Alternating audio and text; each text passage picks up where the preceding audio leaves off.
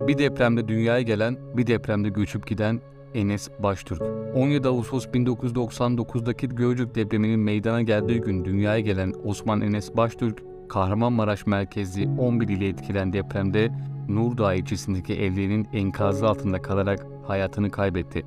Depremde kardeşini korumak isterken üstüne devrilen duvarın altında kalarak yaşamını yitiren Osman Enes'in hayat hikayesini annesi Asiye Baştürk gözyaşlarıyla anlattı. 1999'da İstanbul depreminde doğdu.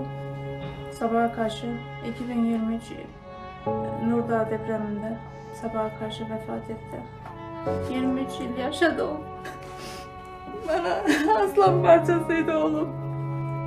Oğlum Allah bana yakıştırmadı. Allah'ım sana yakışsın. Allah'ım aslan olsun.